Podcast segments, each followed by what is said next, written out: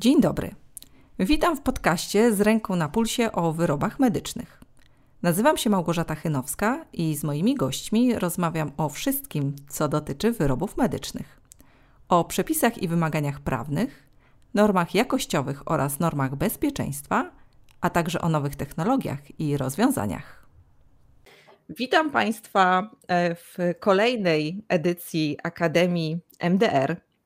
E, tym razem Państwa i moim gościem jest pani Jowita Dyrda, zastępca dyrektora jednostki notyfikowanej. Jowita, bardzo serdecznie Cię witam i dziękuję, że zgodziłaś się wziąć udział w dzisiejszym spotkaniu. Dzień dobry, witam Państwa bardzo serdecznie i to ja, Gosiu, dziękuję Tobie za zaproszenie na dzisiejsze spotkanie i na możliwość przeprowadzenia rozmowy w jakże ważnym dla nas wszystkim temacie. Dokładnie, ja y, przyznam szczerze, tutaj Jowita y, była bardzo tutaj pieczołowicie przeze mnie wybrana, z tego względu, że razem ze swoim zespołem e, jest odpowiedzialna za projektowanie tego procesu certyfikacji w jednostce notyfikowanej e, TIF Nord Polska. E, więc e, celowo tutaj używam czasu takiego teraźniejszego czy ciągłego, bo jak wiadomo, proces projektowania, mam wrażenie, jest procesem ciągłym. To znaczy, nie zaprojektowaliśmy tego procesu raz i koniec, tylko też zostawiamy sobie też takie pole, że on się również może zmieniać E, w czasie, kiedy będziemy widzieli, że mm, no po prostu, czy rynek, czy sytuacja tego wymaga, więc, więc tak pewnie też będzie. Ale e, chciałabym na początku Ciebie, e, Jowita, zapytać, czy dużo się zmieni w porównaniu do tego, do czego byliśmy przyzwyczajeni przy certyfikacji MDD? Czy mamy się spodziewać dużych zmian, jeżeli chodzi o ten sam proces certyfikacji? Mhm, to jest, y, Gosiu, bardzo dobre pytanie i tak naprawdę już y, z dyrektorem jednostki notyfikowanej wewnątrz, pracując już tak naprawdę nad przygotowaniami i wdrożeniu naszego nowego systemu zarządzania y, jednostką, w momencie, kiedy musieliśmy aplikować o wyznaczenie jako TIF Nord Polska jednostki prowadzącej ocenę zgodności wyrobów medycznych według wymagań rozporządzenia 2017-745, my już wtedy zdawaliśmy sobie sprawę, że te spełnienie tak naprawdę tych rygorystycznych wymagań spowoduje zmiany zarówno w procesie certyfikacyjnym wyrobów medycznych, jak i będzie miało skutek i wpływ bezpośrednio na personel, który ocenia wyroby medyczne, a co z kolei bezpośrednio będzie się również przyczyniało do wprowadzania dużych zmian po stronie producentów. Czyli tak naprawdę to ci producenci, nasi klienci potencjalni będą również odczuwali duże zmiany. No i tak właśnie w kontekście Twojego pytania i naszej dzisiejszej rozmowy, y, o czym warto powiedzieć i myślę, co jest y, takimi istotnymi elementami, to przede wszystkim w naszym przypadku jednostki notyfikowanej TIF Nord Polska mm, będziemy przeprowadzali i na, w inny sposób tą możliwość wnioskowania o cenę zgodności wyrobu medycznego. Czyli ta zmiana w samym obszarze składania wniosków przez producentów y, będzie dość znacząca. Będziemy mhm. podejmowali się tego, o tym będziemy pewnie jeszcze rozmawiać. Natomiast co jest istotne przy samym składaniu takiego wniosku, różnicą zasadniczą było to, że w procesie MDD jednostka nie miała dostępu do dokumentacji technicznej wyrobu, mhm. a teraz jednostka będzie robiła już na samym początku weryfikację takiej dokumentacji. Co jest istotne, doszły nowe elementy procesu, które w przypadku certyfikacji na zgodność z wymaganiami dyrektywy nie występowały. Czyli nawet już te nowe elementy procesu, które my zdefiniowaliśmy, tak naprawdę etapu poszczególnych mm, tych elementów, które będą się składały na ocenę zgodności wyrobu medycznego, to już będzie zasadnicza różnica. Takim jednym z możliwości, czy tak naprawdę jednostki zostały autoryzowane do tego, nadano im nowe uprawnienie, na przykład do przeprowadzenia badań z rynku wyrobów medycznych. To mhm. będzie ogromna różnica dla naszych producentów. Możemy się spodziewać również zwiększonej liczby osób w zespołach audytowych, dlatego że będziemy mieli więcej tych właśnie poszczególnych etapów, które będą się składały na tą ocenę zgodności. Również kolejnym elementem będzie na przykład podwójny proces podejmowania decyzji certyfikacyjnej po stronie jednostki notyfikowanej. I gdybyśmy tak skupili się tak naprawdę na tym wszystkim, podsumowali, to możemy wyciągnąć jeden wniosek. Wydłuży nam to zdecydowanie mhm. czas przeprowadzenia oceny zgodności wyrobu medycznego. No ja myślę, że y, y, tutaj ta konkluzja na koniec y, też jest dodatkowo istotna dla tych osób, które no, przymierzają się do tej pierwszej certyfikacji, że muszą również te kwestie wziąć tak naprawdę pod uwagę, tak? Że to nie jest szybki proces e, i należy się po prostu na to nastawić. No dobrze, to zaczynając tak zupełnie od początku, bo zazwyczaj droga klienta, czy ten styk klienta z jednostką notyfikowaną, czy producenta z jednostką notyfikowaną, rozpoczyna się w momencie, kiedy e, składa e, wniosek, zapytanie o certyfikację. Czy tutaj będą jakieś zmiany? Jak to będzie wyglądało w naszym przypadku? Mm, bardzo dobrze, Gosiu, że o to pytasz, dlatego że my projektując y, cały ten projekt oceny zgodności wyrobów medycznych y, i mając też na uwadze dostępność różnych rozwiązań już obecnie na rynku i tak naprawdę kierunku, w którym podąża świat, czyli digitalizacja, podjęliśmy decyzję wewnątrz y, jednostki, abyśmy dali możliwość klientom składać wnioski o ocenę zgodności wyrobów medycznych drogą elektroniczną czyli tak naprawdę poprzez elektroniczne biuro obsługi klienta, tak mhm. zwany e-BOK. Myślę, że będą Państwo mieli e, wielokrotnie styczność z tą nazwą.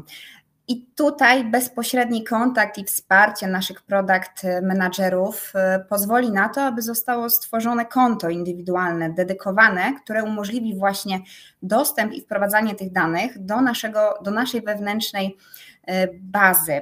I Tutaj poprzez właśnie każdy klient będzie miał, dostanie swój login, e, otrzyma swoje hasło.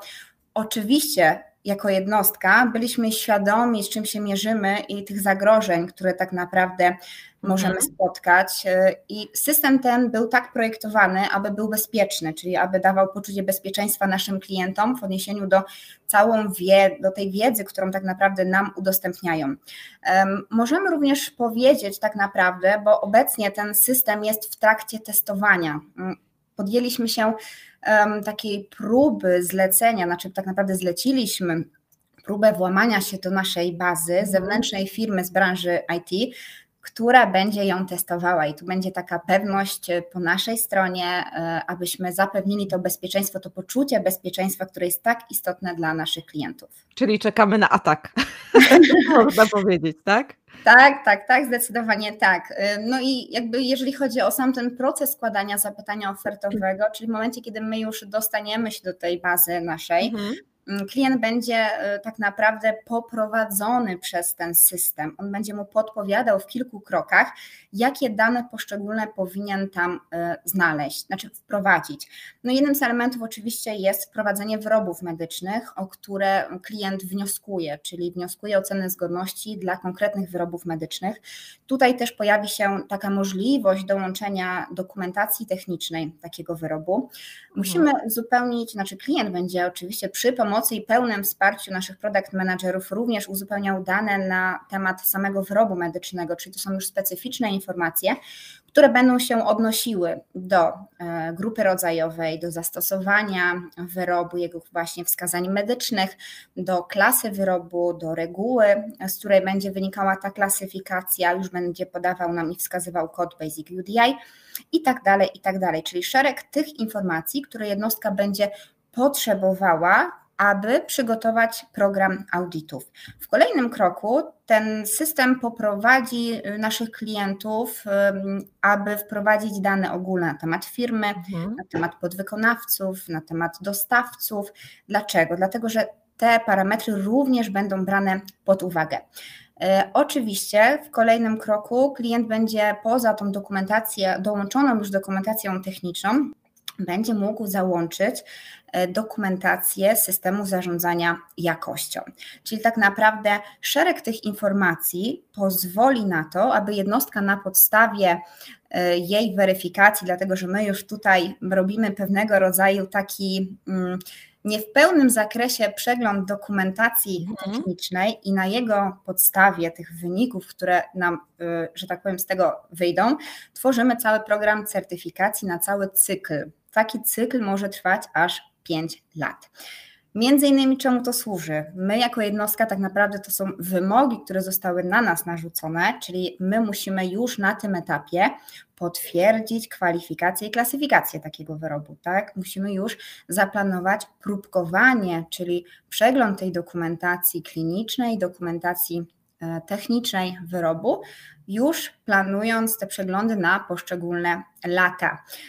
Co też to Y, powoduje. Powoduje też to, że angażujemy w proces takiego programu auditów naszych ekspertów technicznych, farmaceutów, czy też ekspertów dedykowanych do oceny właściwych wyrobów, tych zgłoszonych przez klienta oraz y, też wewnętrznych ekspertów klinicznych, którzy z kolei będą podejmowali decyzję o tym, czy taki wyrób będzie oceniany, czy tak naprawdę dokumentacja kliniczna tego wyrobu będzie oceniana tylko przez tego naszego wewnętrznego eksperta mhm. klinicznego, czy też on będzie podejmował decyzję o tym, czy należy wskazać do, takiego, do takiej oceny również zewnętrznych ekspertów klinicznych. A ci zewnętrzni eksperci kliniczni to po prostu są lekarze danej specjalizacji, czyli w zależności tak naprawdę od zastosowań klinicznych tego wyrobu, tak, lekarze będą wskazywani. No i tak naprawdę na czym to wszystko będzie polegało, ten proces składania tego zapytania ofertowego czy tego wniosku klienta? No właśnie mhm. na tym, aby klient te wszystkie dane mógł w sposób łatwy dla niego przekazać jednostce. Czyli te wszystkie dane spowodują, że będziemy mogli precyzyjnie, w sposób prawidłowy przygotować ten program audytów. No i właśnie przy pomocy, tak jak już też wspomniałam, product managerów, którzy odgrywają tutaj naprawdę bardzo ważną rolę w procesie. E, to ja jeszcze nawiążę do e, tak jakby tej ostatniej części Twojej wypowiedzi, jeżeli chodzi o planowanie tego całego procesu. I też wcześniej wspomniałaś, że to jest jedna z takich istotnych zmian, że e, już na etapie zapytania ofertowego producent powinien dostarczyć nam komplet dokumentacji i technicznej, i systemowej, bo jest to nam y, potrzebne, tak? Ale czy faktycznie to jest e, taki jakiś odgórny wymóg? Z, z czego to się tak naprawdę bierze? Mhm. E, oczywiście, Gosiu, my też już mieliśmy zapytania ze strony rynku o to. No i rzeczywiście jest tak, że to MDR tak naprawdę wymusza na nas, czyli na jednostkach, taką konieczność dołączenia tej dokumentacji. I tutaj mówimy zarówno o dokumentacji systemu zarządzania jakością klienta, mhm. jak i dokumentacją techniczną dla poszczególnych wyrobów, które zostały zgłoszone do tej oceny zgodności. No i mówiąc y, tak już dosadnie, zaglądając do rozporządzenia, konkretnie do załącznika 9, jeżeli właśnie chodzi o dokumentację systemu zarządzania jakością, tam jest wprost napisane w rozdziale pierwszym, bodajże w sekcji 2.1, że to producent składa wniosek o ocenę swojego systemu zarządzania jakością i wraz z tym mhm. wnioskiem on musi dołączyć dokumentację dotyczącą systemu zarządzania jakością producenta. Mamy tam naprawdę wylistowane bardzo szczegółowo wszystkie elementy do procedur, do polityki jakości, e, do wszystkich poszczególnych elementów udokumentowanych systemu zarządzania jakością klienta. Jeżeli chodzi z kolei o dokumentację techniczną, bo spodziewamy się, że to może być e, taka, taki punkt sporny czy, czy mhm. interesujący właśnie naszych klientów, e, tu z kolei musimy zajrzeć w inne elementy MDR-a. Również znajdziemy odpowiedź w poszczególnych załącznikach, czyli w załączniku dziewiątym również znajdziemy informacje w rozdziale drugim, w sekcji 4.2, y, informacje o tym, że klient w momencie, kiedy, czyli ten producent, w momencie, kiedy składa ten wniosek, musi załączyć również do oceny dokumentację techniczną. No i znowu, przechodząc do załącznika 11, tam mamy odpowiedni punkt, który odnosi się w części A, dlatego że mm, do naszej jednostki notyfikowanej będzie można wnioskować o certyfikację na zgodność, y, znaczy przeprowadzenie tej oceny zgodności wyrobu według załącznika 9 oraz według załącznika 11, część A, punkt, część A i punkt 10. I tam również w tym rozdziale właśnie w załączniku 11 w części A e, znajdziemy sekcję 6.1, która odnosi się dla, do wyrobów e, klasy pierwszej sterylnej, pierwszej pomiarowej i do narzędzi wielokrotnego e, użycia, do narzędzi chirurgicznych wielokrotnego użycia mm, również o tym obowiązku złożenia razem z wnioskiem dokumentacji technicznej. No, musimy sobie pomyśleć w ten sposób, że tak naprawdę jest to restrykcyjne podejście, ale ku temu y, jakby my widzimy tutaj dość dużą zaletę. Dlaczego? Dlatego, że to nam pozwoli na to prawidłowe y, zaprojektowanie programu audytów, pozwoli nam to uniknąć niespodzianek w przyszłości, mhm. czyli minimalizujemy tym samym ryzyko narażania na dodatkowe koszty naszych klientów, czy też na przykład na zwiększenie czasu audytu. Ja myślę, że właśnie tutaj e, e, bardzo dobrze to podsumowałaś, że z jednej strony producent musi się nam początku dosyć mocno przygotować do tego wniosku, no bo właśnie powinien złożyć komplet dokumentów, ale z drugiej strony dostaje za to ofertę, która jest faktycznie dobrze mm, skonstruowana typowo pod y, pod te potrzeby, pod konkretny wyrób czy pod konkretne procesy. E, I myślę, że tutaj ta minimalizacja ryzyk, na przykład niespodziewanych kosztów, faktycznie e, myślę, że jest warta tej pracy na samym początku. No dobrze, tak. a skoro już e, pojawiły się tutaj kwestie kosztów, to czy mogłabyś przybliżyć, co dokładnie obejmuje oferta, którą składamy? Bo wspomniałaś, że ona jest dość tak jakby szczegółowo mm, policzona, już nie mówię tylko od strony kosztów, ale tak jakby zaprojektowana od strony procesu i tego, co będzie się w ogóle na tym audycie działo. No to pytanie właśnie, co tam w tej ofercie dokładnie będzie? Mhm. W ofercie znajdziemy dużo różnych informacji, które będą bezpośrednio dotyczyły i będą tak naprawdę potrzebne dla naszych producentów, aby oni też byli świadomi, e, co ich czeka, jakie etapy poszczególnych e, procesów realizowanych w ramach tego procesu certyfikacji oceny zgodności wyrobu będą realizowane. Więc oczywiście, w zależności od tego, y, o co będzie aplikował klient, czyli czy będzie to również y, połączona certyfikacja na przykład z wymaganiami normy PN-EN ISO 13485, czy też i PNN ISO 9001, na pewno będziemy y, mieli wprowadzoną informację o wnioskowany zakres, czyli to jest ten zakres certyfikacji, który później pojawi nam się na certyfikatach. Jeżeli chodzi o certyfikację wyrobów, to na pewno w takim zakresie pojawi się informacja, informacja dokładnie, jakie wyroby będą podejmowane, czyli będą oceniane, dla nich będzie prowadzona ocena zgodności.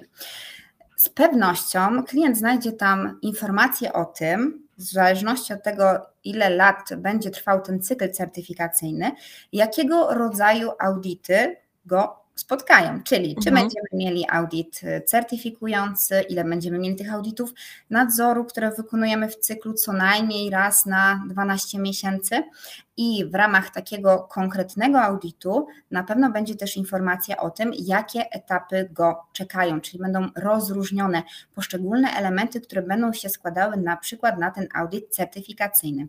Dlatego, że audyt certyfikacyjny może składać się z dwóch faz, prawda, tych powiązanych bezpośrednio z audytem systemu zarządzania jakością klienta, ale będzie się też składał z tych innych dodatkowych elementów, czyli etapów, które mhm. będą tak naprawdę składały się na ten jeden audyt.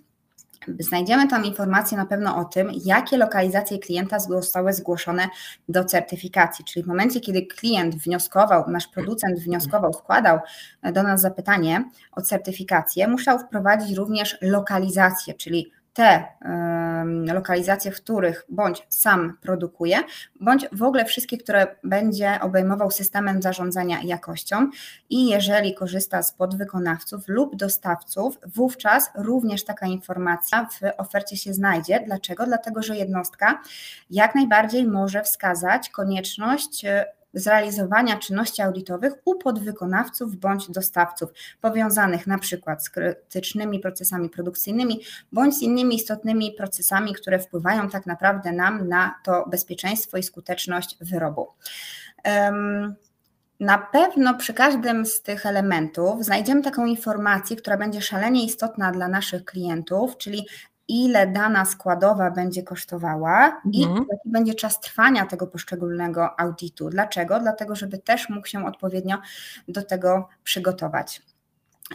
Dodatkowo znajdziemy takie informacje, e, które będą na pewno interesujące, związane z mm, obowiązkiem przeprowadzenia w cyklu co najmniej MDR mówi o tym, żeby to było co najmniej raz na 5 lat, auditu niezapowiedzianego. Mhm. Taki audyt niezapowiedziany może być przeprowadzony przez jednostkę w lokalizacji naszego klienta, producenta, ale i również możemy wziąć pod uwagę podwykonawców lub dostawców. Mhm. Więc taka informacja również się pojawi. I to jest taka niespodzianka i pewnego rodzaju nowość, czyli zamiast jednego audytu niezapowiedzianego, do którego jesteśmy dzisiaj przyzwyczajeni, który dzisiaj znamy, jednostka oczywiście na drodze wewnętrznych procedur, dokonując analizy ryzyka, właśnie analizując ten e, złożony wniosek przez klienta, również takie informacje i tą ilość audytów będzie wskazywała. No i na pewno czekają nas niespodzianki. Wspomniałam o tym, że jednostka jest teraz dopuszczona tak naprawdę ma takie nadane prawo, aby pobrać wyrób z rynku. Więc takie informacje o ewentualnych dodatkowych kosztach tam mogą się znaleźć. Okej. Okay. E, no to faktycznie y, myślę, że sporo się zmienia, już tak jakby wracając do tego pierwszego mojego pytania, ile się zmieni, to teraz to jakby odkrywamy coraz więcej i faktycznie już nawet na tym etapie oferty tych zmian sporo obserwujemy.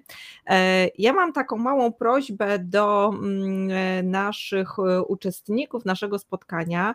Drodzy Państwo, widzę, że pojawiają się już e, pytania. Ja mam gorącą prośbę, abyście Państwo te pytania zostawili na koniec kiedy uruchomimy sesję QA, i ja wtedy będę mogła e, pytania mm, wyświetlić bezpośrednio na ekranie.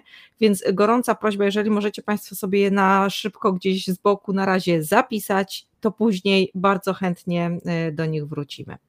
E, dobrze, to Przechodząc dalej tutaj z kolei do naszej dyskusji i trochę wypytywania Ciebie, jak to e, wszystko będzie wyglądało, wiemy już, co będzie w ofercie. To w takim razie po ofercie e, mamy, czy powinniśmy mieć e, zlecenie, tak? Więc co się dzieje, kiedy producent potwierdza przyjęcie oferty, wysyła zlecenie i co wtedy? Przede wszystkim jesteśmy bardzo zadowoleni z tego faktu, że wybrał naszą jednostkę notyfikowaną. A już przechodząc tak naprawdę do tego, co rzeczywiście będzie się działo w procesie, no to oczywiście podpisujemy e, umowę, tak? Czy to jest umowa mhm. prawna e, zawarta przez e, nasz dział, który o to dba, aby dopełnić tych wszystkich formalności. No i kolejnym etapem, kiedy już tak naprawdę to zlecenie pojawi się w naszym wewnętrznym systemie, próbujemy, podchodzimy już do wyznaczenia terminów. Co to oznacza? Staramy się jak najbardziej oczywiście tutaj dopasować do potrzeb klienta i już na etapie tak naprawdę składania tego wniosku zadajemy takie jedno z pytań. E, drogi kliencie, czy jest jakaś sugerowana data audytu, kiedy chciałbyś e, zaprosić jednostkę do siebie? Czyli my już też wiemy mniej więcej, jakie terminy oczekuje klient. Oczywiście musimy mieć na uwadze, że nasz dział planowania, który zajmuje się tak naprawdę realizacją, przypisywaniem odpowiedniego personelu do realizacji odpowiednich etapów, czyli tych czynności audytowych, bierze pod uwagę również dostępność zasobów, czyli musimy tu mieć na uwadze, że te planowanie odbywa się zawsze z wyprzedzeniem i po prostu pewną kolejką y, zleceń i klientów, które są y, do realizacji. Mhm. Jeżeli chodzi o samą tą kolejność planowania, to zakładamy, że będziemy najpierw planowali ten przegląd dokumentacji, tą ocenę dokumentacji technicznej i ocenę dokumentacji klinicznej, a następnie będziemy realizowali audyt systemu zarządzania jakością u klienta w lokalizacji. A czy możemy oszacować, ile to wszystko będzie trwało? Cały taki proces yy, certyfikacji, bo powiem szczerze, że to jest jedno z takich yy, kluczowych pytań, jakie najczęściej dostaję, no bo wiemy już, że y, tych etapów może być y, kilka, tak, że mamy fazy. Oprócz faz mamy te różne etapy, o których też wspominałaś wcześniej, tak? Może być, y, mogą być klinicyści, możemy oceniać tutaj różne kwestie w zależności od tego, jak tak jakby ocenimy ten produkt na samym początku, przygotowując ofertę, prawda? Yy, I y, z jednej strony mamy dość złożony proces certyfikacji, to pytanie, czy w ogóle da się oszacować, ile taka certyfikacja może potrwać? E, tak, Małgosiu, jak najbardziej. Myślę, że jesteśmy w stanie to oszacować i oczywiście już też podchodziliśmy do tego zagadnienia, mhm. biorąc chociaż pod uwagę takie podstawowe elementy, bo na pewno też będę musiała powiedzieć, jak wygląda sam audyt, z jakich elementów się składa, e, ale to może za chwilę. Najpierw spróbujemy sobie oszacować e, ten czas. Dlaczego? Mhm. Dlatego, że jak już doskonale Państwo się zorientowaliście, e, sam proces składania wniosku ofertowego będzie procesem wydłużonym w stosunku do, dzisiejszych, do dzisiejszego po prostu składania zapytania o przeprowadzenie procedury oceny zgodności według wymagań dyrektywy medycznej 9342 EWG. Co to, co to oznacza w praktyce? To oznacza, że sam ten element już możemy zakładać. Dlaczego? Pierwsze podejście, klient złoży dokumenty, nastąpi pierwsza weryfikacja, mogą być jakieś dodatkowe pytania, być może klient nie potrafił odpowiedzieć na wszystkie pytania ze względu na to, że nie wiedział, co w danym punkcie należy uzupełnić, więc ten element weryfikacji i później E, tak naprawdę tworzenia tego programu audytu, to już musimy szacować, że to może być nawet do dwóch miesięcy. Dlaczego? Dlatego, że poza tym, że jednostka jest w stanie samodzielnie oczywiście ocenić i doprowadzić do tej weryfikacji, czyli potwierdzić kwalifikację, potwierdzić klasyfikację takiego wyrobu, no to tutaj mamy też tą ten sam przebieg tego procesu, czyli tej sprawności, tej komunikacji również między jednostką, a między klientem. No i później, kiedy już przygotujemy dla klienta ofertę, bo oczywiście po tym etapie jeszcze przygotowywania tego programu audytu, no jeszcze jest niezależny dział, który jest odpowiedzialny za przygotowanie tej oferty dla naszych mhm. klientów. Mhm. Więc z kolei, kiedy tą ofertę klient otrzyma, na pewno ma też czas do namysłu, zastanowienia się, podjęcia tej decyzji. No i tutaj, Gosiu, nie wiem, jak to wygląda w praktyce. Myślę, że ty tutaj jednak wiesz najlepiej, jak to wygląda. No tak, no czasami, e, czasami ta decyzja jest faktycznie e, szybka, ale no to też e, różnie, różnie bywa, tak? W zależności od tego, jak duża jest organizacja, jak wygląda w ogóle proces decyzyjny w samej organizacji no bo czasami e, decyzję podejmuje po prostu jedna osoba czy kilka osób, a czasami to jest e, zarząd, są rozmowy jakieś wewnętrzne, rozmowy z pełnomocnikiem, przegląd również dokumentów prawnych, więc czasami proces decyzyjny może trwać również i kilka miesięcy. Więc faktycznie to jest trudno oszacować i to jest taki element, powiedziałabym, z mocno ze znakiem zapytania, który może spowodować, że y, proces będzie trwał nawet rok albo więcej pewnie, tak? Hmm.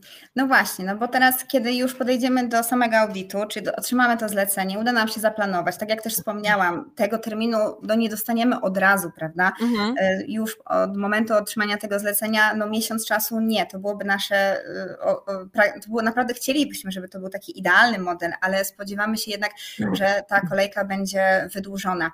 E, więc później realizacja samych audytów, jeżeli chodzi chociażby też o czas trwania audytu, to będą podobne czasy do tego, co czego się możemy dzisiaj spodziewać, mhm. czyli powiedzmy średnio 2-3 e, dni na miejscu, ale na przykład czas na zamknięcie niezgodności w przypadku ich oczywiście zidentyfikowania, e, to po audycie certyfikacyjnym mamy już do 6 miesięcy. No to jest spora zmiana. To jest spora zmiana, tak. Y, nie zmieniło się w przypadku czasu y, zdefiniowanego dla audytów nadzoru, dlatego że ten czas na zamknięcie działań korygujących pozostaje taki, jak jest dzisiaj, to jest do y, trzech miesięcy, czyli tak naprawdę 90 dni około. Natomiast sporo zmianą jest właśnie te 6 miesięcy. No, i to jest tylko jeden z elementów, ten audit systemu zarządzania jakością, prawda? Ale mamy też mhm. ocenę dokumentacji technicznej i teraz znowu jednostka w ramach programu audytu, który przygotowała, musi zaplanować odpowiednie próbkowanie. Jeżeli tych wyrobów jest dużo, wówczas może się okazać, że na takim pierwszym audycie, tym certyfikacyjnym, tych wyrobów do tak naprawdę oceny tej dokumentacji technicznej może być więcej niż jeden, niż pięć. A musimy też mhm. sobie uświadomić, że sama ocena, którą, będzie, którą będą przeprowadzali mm, eksperci techniczni, będzie bardziej dokładna głębsza w stosunku mhm. do tego, co znamy dzisiaj, a to się bezpośrednio przekłada również na czas.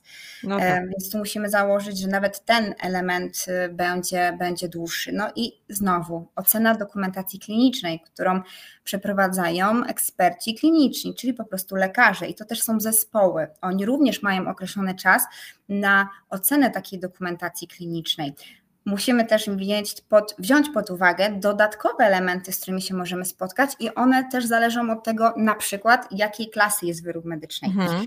Jeżeli to byłby wyrób klasy trzeciej do implantacji lub wyrób klasy 2B do podawania lub usuwania substancji leczniczych, wówczas jako jednostka musimy również zapytać się, czyli tak naprawdę wysłać to nasze sprawozdanie do panelu ekspertów. I tutaj Jasne. też ten proces może spowodować, że wszystko się wydłuży, bo dopiero po otrzymaniu ekspertyzy, czyli tak naprawdę tych wywodów naukowych na temat bezpieczeństwa, my musimy na tej podstawie wydać ostateczną opinię i swoją ocenę, prawda? Mhm. Czyli to jest kolejny element, który spowoduje, że taki proces się może wydłużyć. No i już nie wspominam o procedurach specjalnych, które są dedykowane oczywiście dla wyrobów, które mają specyficzne cechy, czyli na przykład gdybyśmy mieli wyrób, który zawiera jako integralną część e, substancję, która byłaby zastosowana osobno i uznana za produkt leczniczy, wówczas musimy znowu zapytać i wysłać tak naprawdę um, zapytanie do EMA, tak, czy do Europejskiej mhm. Agencji Leków. W Polsce przedstawicielem jest URPL, wobec tego znowu musimy przekazać takie dokumenty do URPL-u. To powoduje, że tak naprawdę pomimo tego, że uda nam się w ramach tego jednego audytu certyfikacyjnego zamknąć poszczególne etapy, to musimy poczekać, aż one wszystkie zostaną pozytywnie zakończone i przesłane do zwolnienia, czy tak naprawdę do podjęcia decyzji certyfikacyjnej przez niezależny zespół. I tu znowu mamy nowość. Dlaczego? Ponieważ różnica między MDD a MDR-em. Decyzję certyfikacyjną podejmowała jedna osoba, to był audytor veto. A teraz mhm. dodajemy drugi element, czyli to jest zwolnienie przez kolejną niezależną osobę, tak zwanego certyfikatora. Każdy z nich pełni inną rolę w procesie, jednak nie zmienia to faktu, że na każdym z tych etapów mogą powstać kolejne zapytania, dlatego że te osoby są odpowiedzialne za sprawdzenie, czy na pewno wszystkie wymagania zostały spełnione, czy nie mamy żadnych odstępstw co do spełnienia poszczególnych wymagań, czy procedury jednostki zostały spełnione. Mhm. Więc jak mhm. widzisz, Gosiu, to wszystko powoduje, że tak naprawdę, kiedy ten certyfikator, e, który ma upoważnienie, jest uprawniony do tego, aby podejmować decyzję certyfikacyjną o wydaniu certyfikatu, jego zawieszeniu, ograniczeniu, dopiero wtedy tak naprawdę zamykamy ten proces certyfikacji, który pozwala nam na końcu dla klienta wydać certyfikat. certyfikat jasne. To tak, szacunkowo myślę, Gosiu, że tak Mm, słusznym y, chyba założeniem będzie powiedzieć, że w zależności z kolei od złożoności procesu i ilości wyrobów, to może być przedział między 6 a 12 miesięcy. Mhm, jasne. No to, to y, faktycznie tych y, elementów jest naprawdę dosyć sporo. E, I myślę, że ten czas też jest uzasadniony i mam, mam nadzieję, że również Państwo to mm, rozumieją. Ale teraz chcąc troszeczkę ułożyć trochę na takiej e, linii czasu, e, jak w ogóle taki audyt może przebiegać, z jakich elementów się będzie składał, bo wspominałaś już o tym, co się może wydarzyć, ale gdybyśmy miały tak ułożyć to właśnie w takiej linii czasowej, co jest najpierw, co jest później, i no, wiemy już tak jakby, że na końcu jest ta decyzja i opinia certyfikatora, ale tak naprawdę tych etapów jest wiele. Gdybyśmy miały ją tak ułożyć po kolei, to jak to mniej więcej będzie przebiegało? Mhm, dobrze. Więc tak, pierwszym elementem, do którego będziemy e, podchodzić, czy będziemy planować, to mhm. będzie ocena dokumentacji technicznej. I ta ocena dokumentacji technicznej może przebiegać równolegle z oceną dokumentacji klinicznej. Więc tu nie ma zależności. Dlaczego? Dlatego, że ocenę dokumentacji technicznej będą dokonywać osoby, to będą eksperci techniczni, oczywiście osoby o odpowiednich kompetencjach dedykowanych dla konkretnych grup wyrobów medycznych oraz y, lekarze, o których już również wspomniałam, i mhm. oni będą odpowiedzialni za ten przegląd dokumentacji klinicznej. Więc te dwa procesy mogą się dziać niezależnie, dlatego że to będą zupełnie inne osoby wyznaczone do oceny tych konkretnych etapów. No i tutaj znowu przegląd wyrobu medycznego, czas bazowy plus czas dodatkowy, definiowany z uwagi na przykład na cechy specyficzne wyrobu. Możemy założyć śmiało, oczywiście to też zależy od klasy i tak naprawdę od naszych procedur wewnętrznych, które ustaliliśmy na drodze właśnie mm, przygotowywania tego projektu, programu certyfikacyjnego na cały cykl.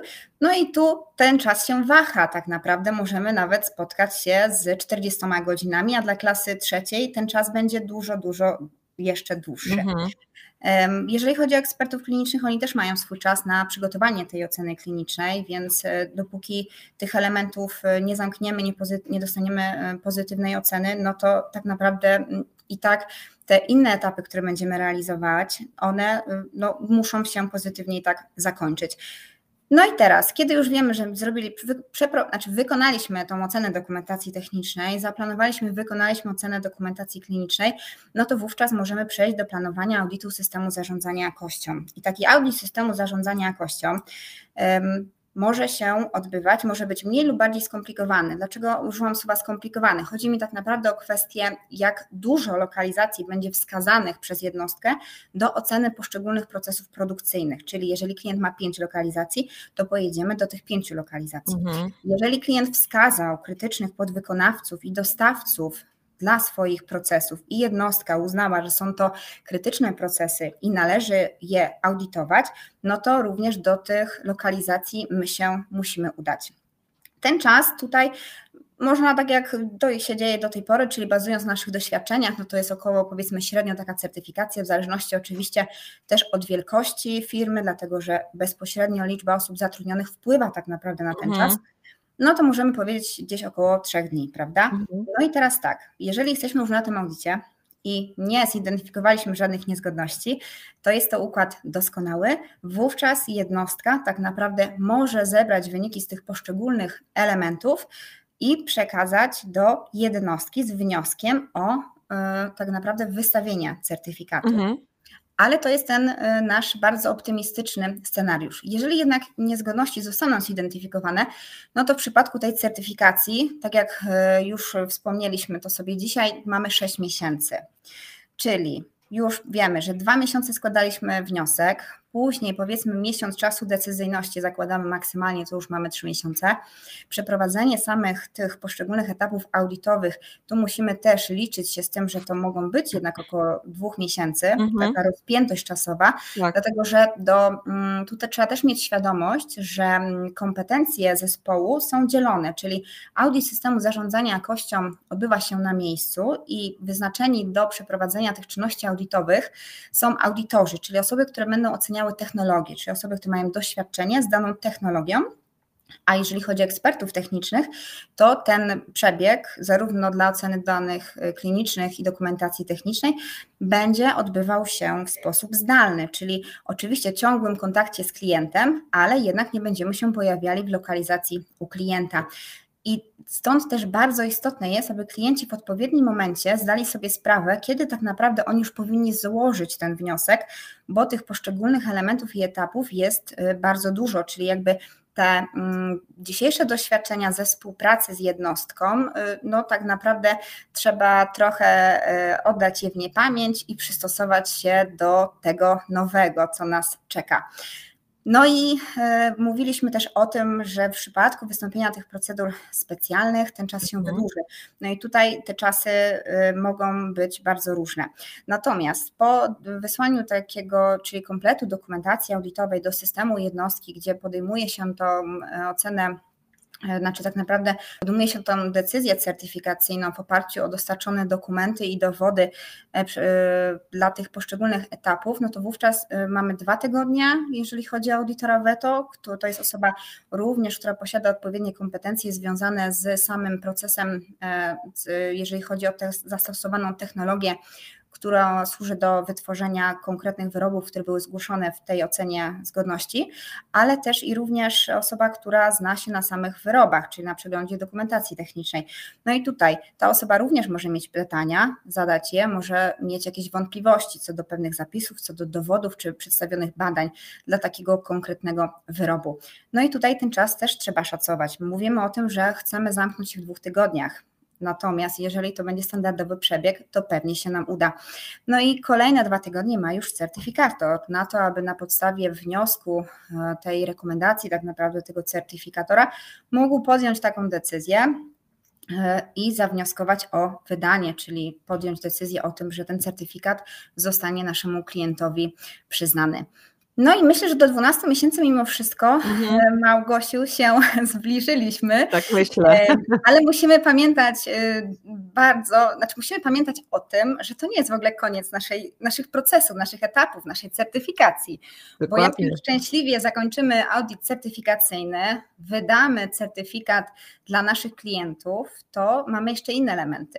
Czyli coś nowego, czego nie było, mhm. to na przykład y, będą właśnie te audyty niezapowiedziane, które mogą wystąpić e, częściej niż jeden, jak już wspomnieliśmy, prawda?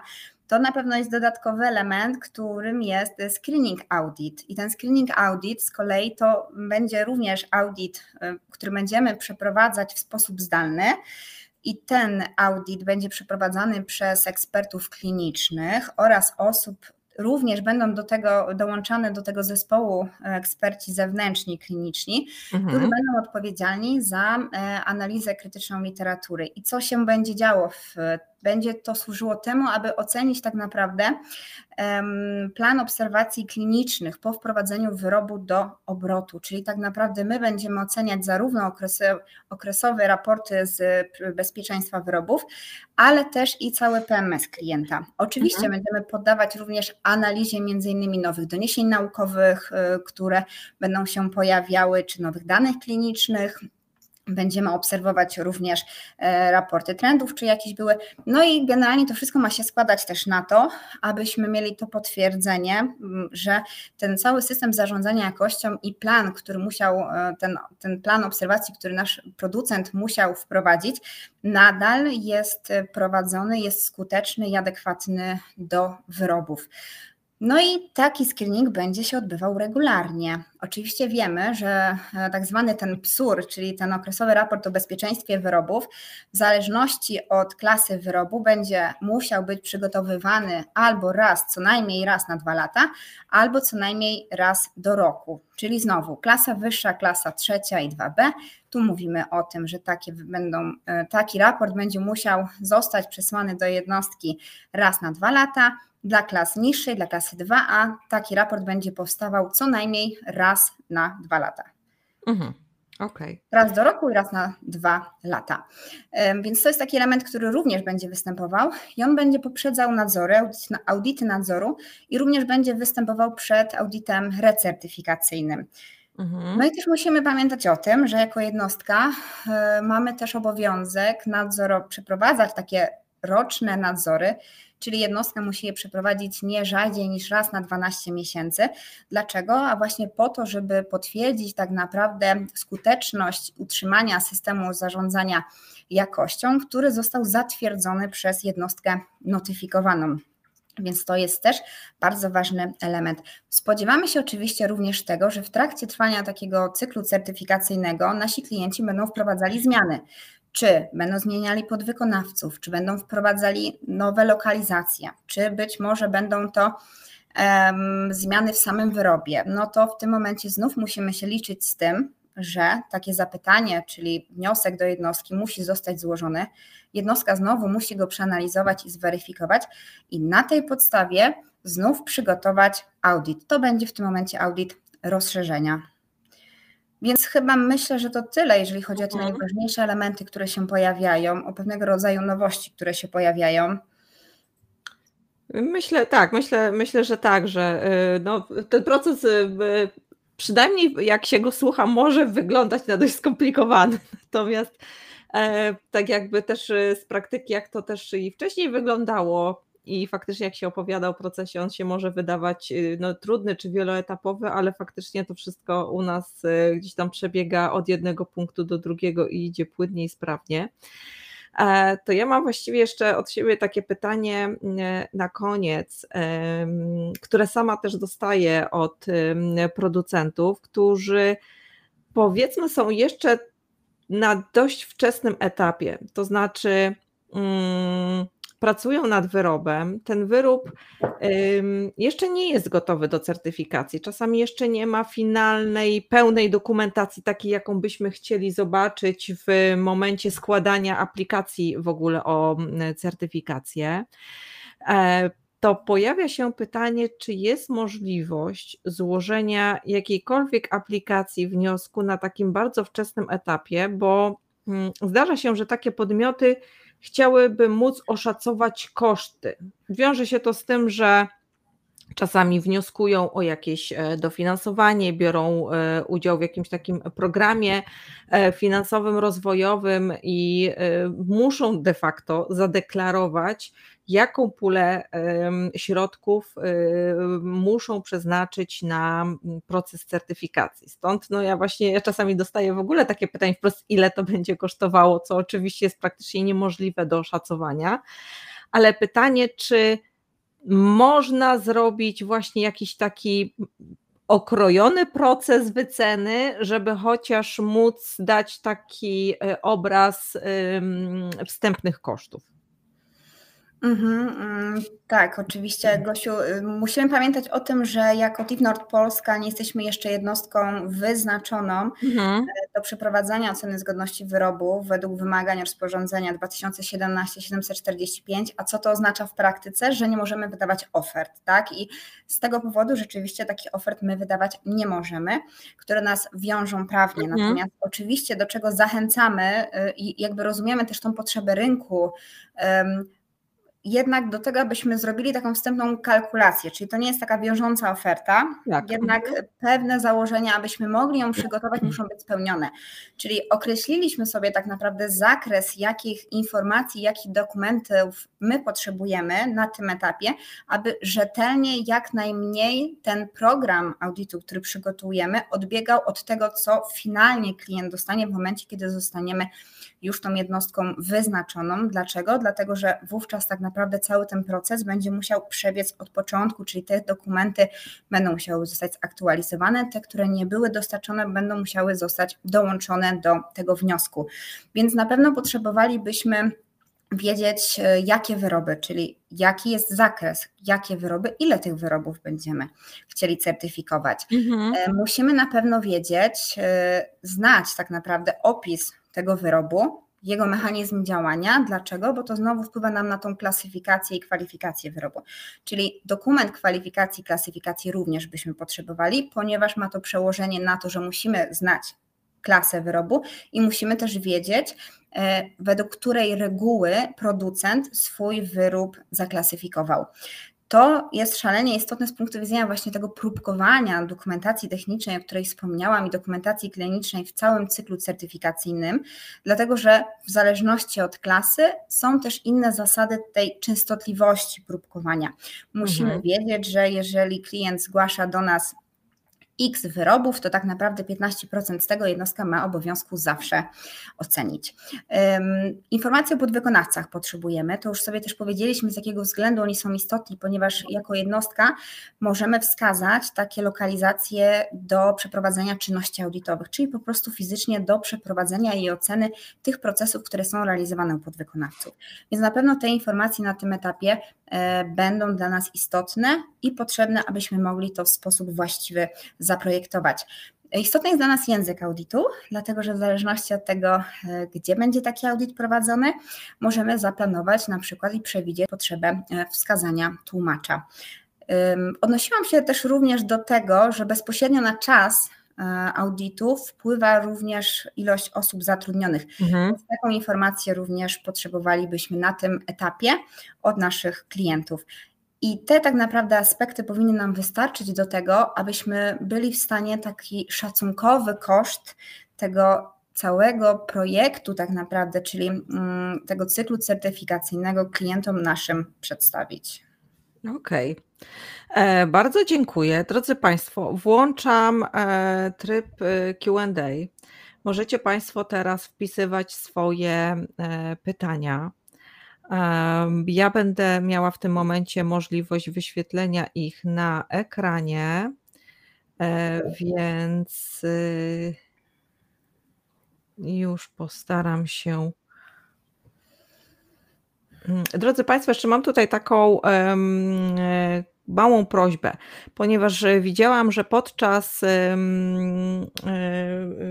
podczas tego, jak mówiła Pani Jowita, pojawiały się też pytania dotyczące tłumaczenia i przepakowywania wyrobów, w sensie tłumaczenia instrukcji, przepakowywania wyrobów u dystrybutorów. Pozwolę sobie te pytania na razie zaparkować i już mówię dlaczego. Chcielibyśmy akurat na ten temat poświęcić odrębny zupełnie webinar. E, chcielibyśmy omówić z różnych stron kwestie dotyczące w ogóle samej certyfikacji, wymagań itd. Tak więc bardzo Państwa proszę o cierpliwość. Postaram się, żeby ten temat pojawił się już na tym najbliższym e, webinarze w styczniu. E, więc e, mam nadzieję, że się Państwo na mnie nie obrazicie, że pytania dotyczące akurat tej kwestii pominę. Dobrze, i mamy pierwsze pytanie. Momencik, czy uda mi się. Czy uda mi się je przełączyć? I już. I mamy pytanie, które chyba dostaję codziennie, przynajmniej po kilka razy. Kiedy jednostka przewiduje, że będzie desygnowana pod MDR? Y, nie tak. wiem, Jowita, czy ty odpowiadasz, czy, czy ja mam się zmierzyć z tym pytaniem, jak y, woli? Gosiu, bardzo cię proszę, zmierz się z tym pytaniem, jeżeli ja coś będę chciała jeszcze dodać w tym zakresie, to jak Dobrze. najbardziej. Dobrze, w takim razie y, pozwolę sobie odpowiedzieć ja na to pytanie z tego względu, że tak jak mówię, dostaję to pytanie regularnie.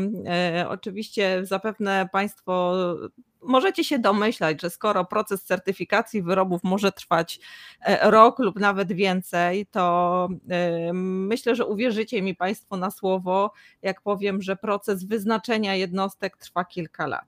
E, w naszym przypadku ten proces już nam minęły trzy lata.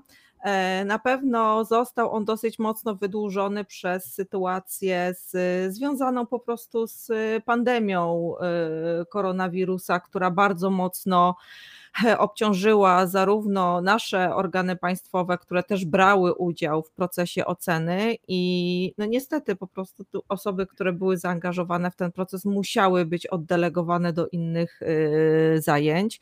Podobnie y, było również po stronie Komisji Europejskiej. Natomiast y, myślę, że mogę powiedzieć, że y, jesteśmy właściwie już na ostatniej prostej. Tak, jesteśmy już po takiej pozytywnej rekomendacji Urzędu Rejestracji. E, nie wiem, czy nie przekręcę czegoś, natomiast to już jest etap pisania tego takiego ostatecznego raportu, e, więc pozostaje mi no nie wiem, domniemywać, że to ta desygnacja powinna pojawić się do końca pierwszego kwartału przyszłego roku. A teraz Jowita skoryguj, czy, czy ewentualnie. Doskonale, dodać... Gosiu, doskonale odpowiedziałaś. My się też spodziewamy, że to będzie koniec, koniec marca i mamy nadzieję, że to będzie taki ostateczny termin, e, dlatego że rzeczywiście trwało to bardzo długo. E, no i też już no, nie możemy się doczekać, dlatego że jesteśmy gotowi. Chcemy przyjmować zapytania od klientów, chcemy audytować. No i czekamy tylko na to zielone światło i na ten ważny wpis w bazie Nanda. Tak jest. Tak jest, ale na pewno będziemy Państwa informować na bieżąco. E, na pewno z przyjemnością się pochwalę, gdzie się da, więc e, czy będzie to LinkedIn, czy będzie to newsletter, na pewno otrzymacie Państwo e, taką informację. I przechodzimy do kolejnego pytania. Ile audytów niezapowiedzianych może być? Jeden raz na pięć lat u klienta oraz inne u właśnie takich dostawców, podwykonawców. Jak to może wyglądać? Mhm, to już odpowiadam, bo to jest bardzo ważne pytanie.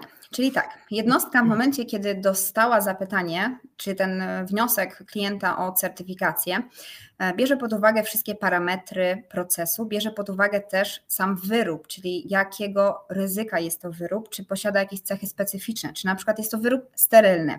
Mhm. Jeżeli jest to wyrób sterylny, to już wiemy, że zmierzamy się z dość bardzo ważnym aspektem, który może powodować, że ta częstotliwość tych audytów niezapowiedzianych właśnie na przykład, jeżeli tak naprawdę to nie my produkujemy nasz wyrób, tylko zlecamy go do podwykonawcy i to podwykonawca tak naprawdę zapewnia odpowiednie warunki wytwarzania takiego wyrobu i później jeszcze sterylizuje albo sam, albo jeszcze dalej gdzieś to komuś zleca, to wówczas jednostka ma tak naprawdę obowiązek dokonać takiej analizy ryzyka, wziąć pod uwagę tak naprawdę doniesienia z rynku, może brać pod, może wziąć pod uwagę wyniki z poprzednich ocen przedstawionych przez audytorów w sprawozdaniach.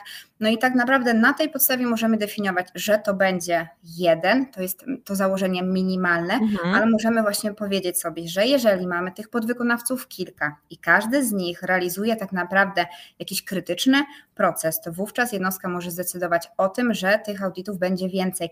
Nie mówimy, nie mówimy ile, dlaczego? Dlatego, że też MDR tego e, nie definiuje. On mówi, że jednostka musi co najmniej raz w tym cyklu pięcioletnim taki mhm. audyt niezapowiedziany przeprowadzić. Okej, okay, ale jednak tutaj jednostka ma dowolność, żeby zdecydować, tak. Ile i gdzie takie audyty, no zapewne ze względu na to, żeby zapewnić maksymalne bezpieczeństwo, prawda?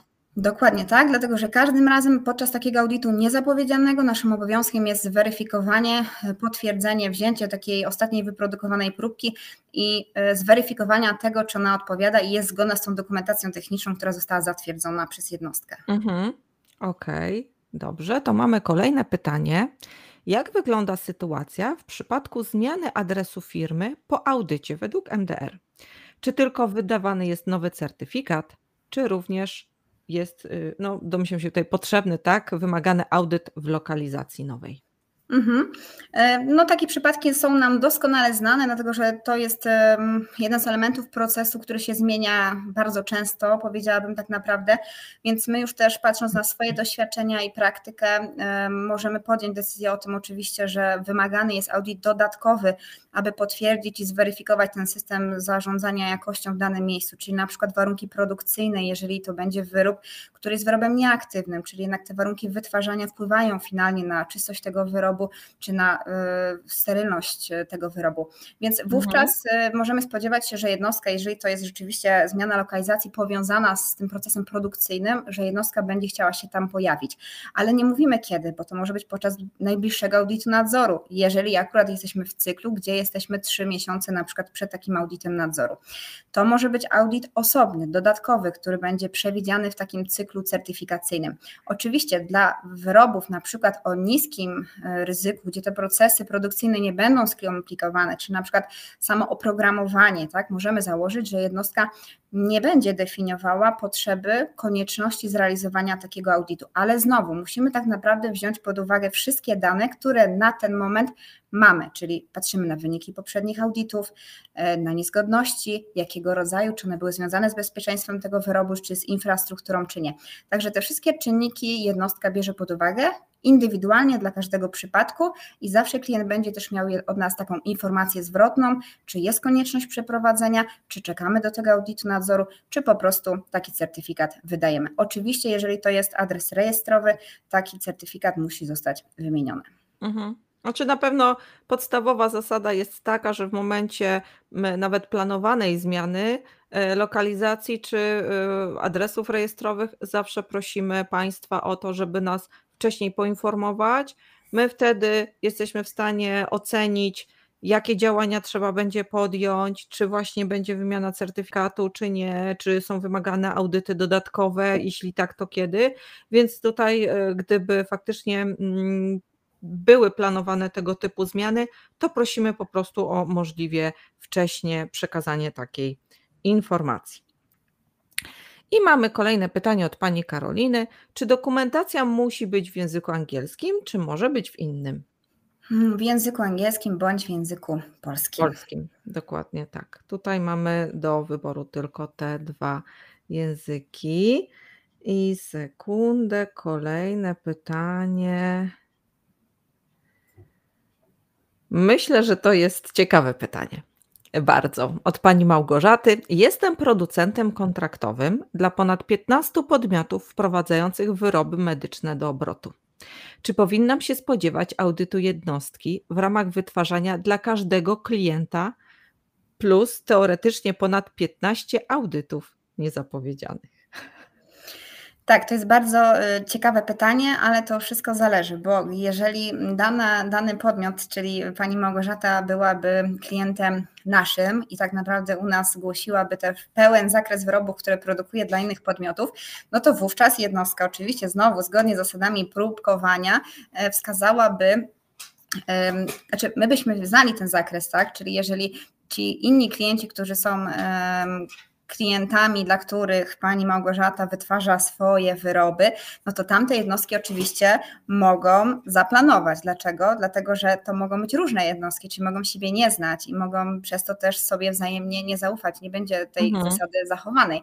Więc y, no rzeczywiście może być tak, że y, będzie pani mogła się spodziewać y, audytów niezapowiedzianych, dlatego że każda jednostka, jak już sobie powiedzieliśmy, musi co najmniej raz, tylko to ona definiuje, do której lokalizacji i do jakich e, do jakich, e, do jakich będzie e, jechała. No i oczywiście, chyba że mówimy o tym, że to jest ten sam wyrób, tak? No to tutaj mm, zakładamy, że jedziemy raz i nie powinniśmy się spodziewać jednostek u nas, znaczy u pani Małgorzaty regularnie. Poza oczywiście audytami, które są zaplanowane Okej, no myślę, że tutaj y, y, bardzo istotną kwestię odgrywa to, y, jakie dokładnie mamy wyroby, czy te tak. wyroby się powielają u tych powiedzmy tych zamawiających, czy to jest cały czas ten sam wyrób, czy one tak. są inne, czy jednostka, która certyfikuje tych e, właśnie odbiorców, to jest e, w jakimś tam większej mierze ta sama jednostka, czy to są różne jednostki, więc tu jest sporo zmiennych, tak. Więc różne scenariusze faktycznie są możliwe. możliwe. I kolejne pytanie od pana Mateusza. Czy w e-boku będzie pełna historia komunikacji z jednostką? Czy jeśli tak, to będą też dane dotyczące audytów zrealizowanych do tej pory? E, pełna historia komunikacji z jednostką, ale tylko w zakresie składanego wniosku. Czyli owszem, tam są takie miejsca dedykowane, gdzie klient może zadawać pytania jednostce, mhm. jednostka mhm. przekazuje też tą samą drogą właśnie komentarze, czy prosi o pewne uzupełnienia. Nie będziemy tam mieli danych dotyczących audytu zrealizowanej do tej pory, czyli takich informacji nie zakładamy, dlatego że my w swoim systemie posiadamy pełną informację o tym, jak jakie procesy certyfikacji do tej pory przeprowadziliśmy. Natomiast takie dane mm, nie będą widoczne dla klientów. Oczywiście klienci mogą się zawsze nas zapytać, jeżeli nie wiem, zmienił się pełnomocnik, zaszły jakieś zmiany i klienci by chcieli na przykład dotrzeć do sprawozdań, których, y, no, których z jakiegoś względu nie, nie posiadają, to my oczywiście mamy obowiązku to przechowywać i każdorazowo też takie dane, czy to podsumowanie, mamy obowiązek po każdym audycie naszym klientom przekazać. Mhm. Nie wiem, czy wyczerpałam y, temat, ale y, no, tak w zasadzie tak to wygląda. Dobrze, myślę, że możemy przejść do kolejnego pytania. Ja tutaj sobie przeglądam oczywiście naszą listę. Tych pytań jest całkiem sporo. Um, tutaj mamy pytania dotyczące pobierania próbki z rynku, tak? E, do jakich instytucji jednostka notyfikowana będzie kierować do badań wyroby pobrane z rynku w ramach kontroli po wprowadzeniu wyrobu do obrotu. Mhm, mhm. To jednostka notyfikowana tak naprawdę ma zdefiniowane, z jakimi laboratoriami będzie współpracowała w ramach tych przeprowadzonych badań, dlatego że to nie muszą być, w zależności od wyroby, to nie muszą być pełne badania. To może być potwierdzenie tylko konkretnego parametru fizycznego czy chemicznego, czy potwierdzenie zgodności biologicznej w jakimś e, zakresie. Czyli tak naprawdę to y, my, jako jednostka, musimy mieć podpisaną umowę z konkretnymi wybranymi przez nas laboratoriami, które takie badania będą dla nas przeprowadzać. Mhm. I kolejne pytanie dotyczące audytów niezapowiedzianych. Czy audyty niezapowiedziane będą dodatkowo płatne? Czy ja mogę tutaj, Bardzo że tak powiem, Bardzo proszę. I, i spróbować zmierzyć się z tą odpowiedzią? Pani Anno, myślę, że tutaj wzorem e, lat poprzednich i tego procesu zgodności z, jeszcze z dyrektywą, gdzie też już wykonywaliśmy audyty niezapowiedziane, no jak się można to myśleć, przeprowadzenie takiego audytu pociąga za sobą koszty, ze względu na to, że jest to po prostu praca specjalistów. E, my mm, oczywiście jesteśmy w stanie, tak jakby z wyprzedzeniem, oszacować, e, ile będzie tej pracy i jakie będą koszty. Więc faktycznie nasi klienci płacą dodatkowo za audyty niezapowiedziane, natomiast E, podjęliśmy już dawno decyzję, już wtedy, kiedy y, w ogóle weszły już do takiego, no nie wiem, praktycznego, można powiedzieć, zastosowania audyty niezapowiedziane. E, podjęliśmy decyzję, że mm, niezapowiedziane audyty tak, natomiast niezapowiedziane faktury nie. To znaczy, zależało nam na tym, żeby mm, kiedy Państwo otrzymujecie od nas ofertę na przykład na 3 lub na 5 lat, jesteście w stanie sobie oszacować, ile no, środków należy przeznaczyć w danym roku na procesy związane z certyfikacją i gdyby właśnie pojawiał się taki niespodziewany audyt, w momencie, kiedy być może firma, e, nie wiem, albo nie jest w najlepszej kondycji finansowej, albo po prostu ma przeznaczone, przeznaczony budżet na jakiś rozwój czy inne wydatki i no niekoniecznie chciałaby ponosić dodatkowe koszty związane z audytem. E, podjęliśmy decyzję, że my faktycznie szacujemy te koszty, obliczamy je, natomiast one są rozbite na poszczególne audyty nadzorcze, które macie Państwo normalnie wyszczególnione w ofercie. To znaczy, że kiedy Państwo czytacie ofertę, na której są podane ceny audytu certyfikującego, pierwszego nadzoru, drugiego nadzoru, to należy pamiętać, że znajdują się w nich szczątkowe ceny, czy szczątkowa cena audytu niezapowiedzianego, która została po prostu rozbita na cały cykl, tylko po to, żeby nie musieć Państwa obciążać niezapowiedzianą fakturą po takim audycie. Oczywiście od y, wszelkich reguł i zasad zawsze są jakieś wyjątki. I musimy tutaj pamiętać o sytuacjach, gdzie niezapowiedziany audyt pociąga za sobą niezapowiedziane koszty. E, I takim niezapowiedzianym kosztem są na przykład przeloty zagraniczne na większe odległości. E, bo jeżeli, o ile jesteśmy w stanie oszacować sobie na przykład audyt niezapowiedziany, e, nie wiem, w Niemczech, o tyle y, audyt niezapowiedziany w Ameryce Południowej, y, w, nie wiem, w Egipcie, Arabii Saudyjskiej, czy w Chinach, czy w Korei, może być już trudniejszy. Tam te różnice, choćby nawet cen biletów lotniczych, y, dosyć mocno się wahają. I tutaj faktycznie dodatkowym kosztem w takim przypadku jest koszt biletu po prostu. Także to y, tak to mniej więcej wygląda. E, czy Jowita chciałabyś coś dodać do, do mojego wywodu? Okay. tak naprawdę, zawarłaś wszystko w tej odpowiedzi. Dobrze, to myślę, że zostało nam tutaj ostatnie pytanie i akurat też zbliżamy się do, do końca naszego e, czasu antenowego. Mamy ostatnie pytanie od pana Romualda. Czy według jednostki notyfikowanej dokumentacja oceny klinicznej jest dokumentacją odrębną, nie zawierającą się w definicji dokumentacji technicznej? Nie. Okej, okay. prosta i bardzo konkretna odpowiedź. Tak, y, może też, ta, mm, y, może też to wynika z tego, że kto inny jest dedykowany do oceny dokumentacji klinicznej, kto inny jest jakby wyznaczony do oceny dokumentacji technicznej jakby inne aspekty podlegają ocenie, prawda? Dlatego, że w ocenie mhm. klinicznej, y, no tutaj mówimy o tych wskazaniach, o potwierdzeniu skuteczności klinicznej. A jeżeli chodzi o dokumentację techniczną, tutaj skupiamy się na wiedzy ekspertów, inżynierów, farmaceutów i tak dalej, czyli osób, które będą sprawdzały wymagania przeróżne poprzez instrukcje, poprzez potwierdzenie własności fizycznych, chemicznych, e, biologicznych. Mm, także myślę, że też stąd takie pytanie mogło się wziąć. Okej, okay, dobrze, to już ostatnie, ostatnie się pytanie, które przed chwilką się wyświetliło od pani Doroty. Czy dla klientów jednostki zostaną nadane loginy i hasła do e-book, czy trzeba będzie się rejestrować? To może ja już y, na koniec też odpowiem, bo też y, tak jakby mój zespół jest odpowiedzialny za przydzielanie loginów i haseł.